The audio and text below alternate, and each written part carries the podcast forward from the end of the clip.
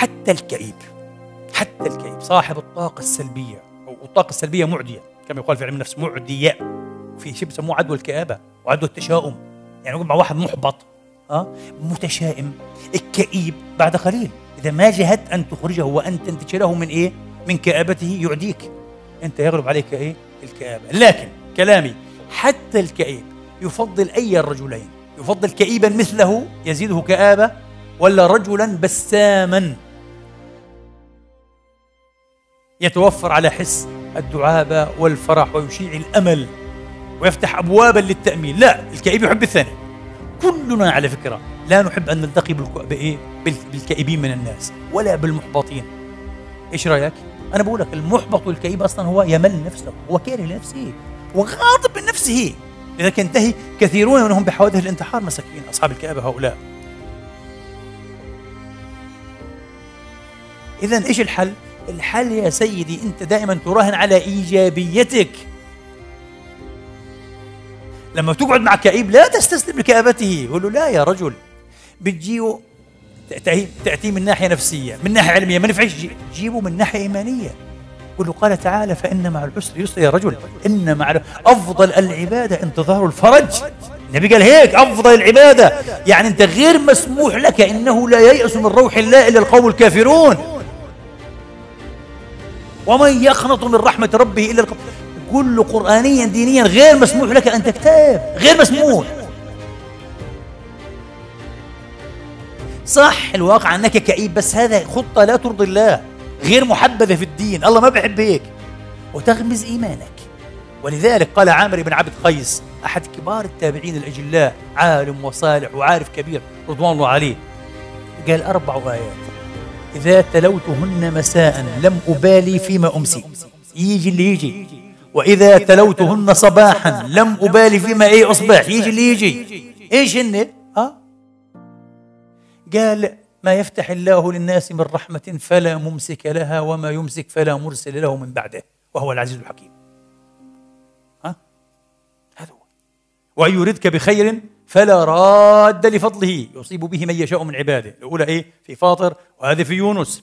وما من دابة في الأرض إلا على الله رزقها ويعلم مستقرها ومستودعها وكل في كتاب مبين. في هود. فإن مع العسر يسرا. إن مع العسر يسرا. الشرح قال أربع آيات. وفعلا. يا رجل اللي بكلمك هنا مش عالم نفس. رب العالمين رب النفوس والأبدان لا الا هو أنت إيش شايف في الكون هذا؟ أنت إيش حجمك وإيش حجم كونك هذا؟ رب يملك كل هذه الممالك لا إله إلا هو. يعييه رغيف عيش يسوقه إليك. يعييه أن يحل مشكلتك يا رجل. لكن أنت ما عندك يقين وما عندك إقبال بيقين عليه لا إله إلا هو. والله لو عندك وعندك التواصل الصحيح هذا لانحلت أكثر مشاكلك ولأقبلت عليك الحياة بما تريد من الخير إن شاء الله تعالى والبر. هو هذا لذلك أنت دائما أه احرص على أن تشيع الطاقة الإيجابية في أصحاب الطاقة السلبية مثل الناحية المعرفية أيضا. في ناس عندهم أفكار إلحادية أفكار ربوبية أفكار لا أدرية أفكار تشكيكية. أنت احرص أن تكون أعلى درجة منهم فكريا وفلسفيا ولاهوتيا. ولما تقعد تكسب الجولات عليهم وبدل أن يلحدوك أنت تأتي بهم إلى بر الإيمان. هذه البطولة هذه الشطارة أنا أذكر أول ما سافرت وكان عمري أقل من تسعة عشرة سنة. أول مرة في حياتي أطلع من فلسطين. وأول مرة وضعت رحالي في أثينا. اللي بسمع عن هذه أثينا أرسطو هذا والأكاديمية أفلاطون عالم آخر غريب علي مفتوح. آه جاي من معسكر من كام تخيل؟ لأثينا أثينا أرسطو افلاطون ونزلت في هوتيل مش شايف حاجة لا شايف أثينا ولا شايف شيء فيها. بس شايف دموع أمي آه وانفطار قلبها. آه. واللوعة في قلبي أيضا أنا على أهلي. وبعدين دخل علي شباب فلسطينيون يعيشون في أثينا. آه. وبتحركوا فيها كذا. إيش أبو الشباب؟ إيش بتعمل كذا كذا؟ قالوا أنت قاعد هنا مجدار إيش اللي بصير قالوا أنت كنت قاعد في البرندة قبل شوي. وجنبك الفتاة الجميلة إلنا نصبين عليها الشراك من ثلاث أيام ما حصلناش منها شيء. وهي بتغزلك عيب عليكم استغفر الله إيش الكلام هذا؟ فضحكوا ضحكا مجلجلا. عيب. قال لك هذا اهبل ساذج طالع من السحبة مسكين. آه بورقته. والله ضحكوا ضحكا كانوا ما بعرف يعني حوالي من سبعة إلى تسعة هكذا كانوا. المهم وبعدين وإذا بأحدهم يطلق تقييما علميا في حقه قال أكيد هذا شاذ. يعني جنسيا. قلت له شاذ. تعال تعال. اجلس هنا. قال ليش فيه؟ قلت له أنت تعرف ما معنى الشاذ؟ قال الشاذ الشاذ اللي ما عندوش رغبة في البنات قلت له اجلس أعلمك. وبديت في محاضرة في علم النفس. فكان معاه واحد أو اثنين. قال لا لا لحظة أبو الشباب لحظة. راح جاب البقية والله. اسمع اسمع قال لهم إيش الشاب هذا؟ هذا علم كبير طلع في علم النفس بس انواع الشذوذ وأنا ايامها كنت قاري أكثر من مرة ريتشارد سوين ها؟ كتابه الضخم المرجع العالمي في علم النفس ها؟ حوالي 1300 صفحة. قاريه مرتين على الأقل. آه.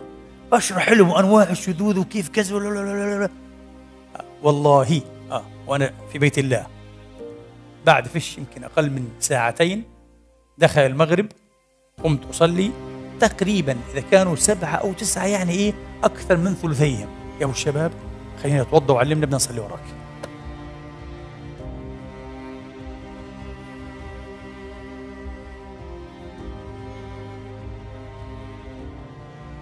أقسم بالله والله ليلة واحدة بتها في أثينا. هذا الذي حصل بفضل الله. ثاني يوم سافرت إلى يوغوسلافيا.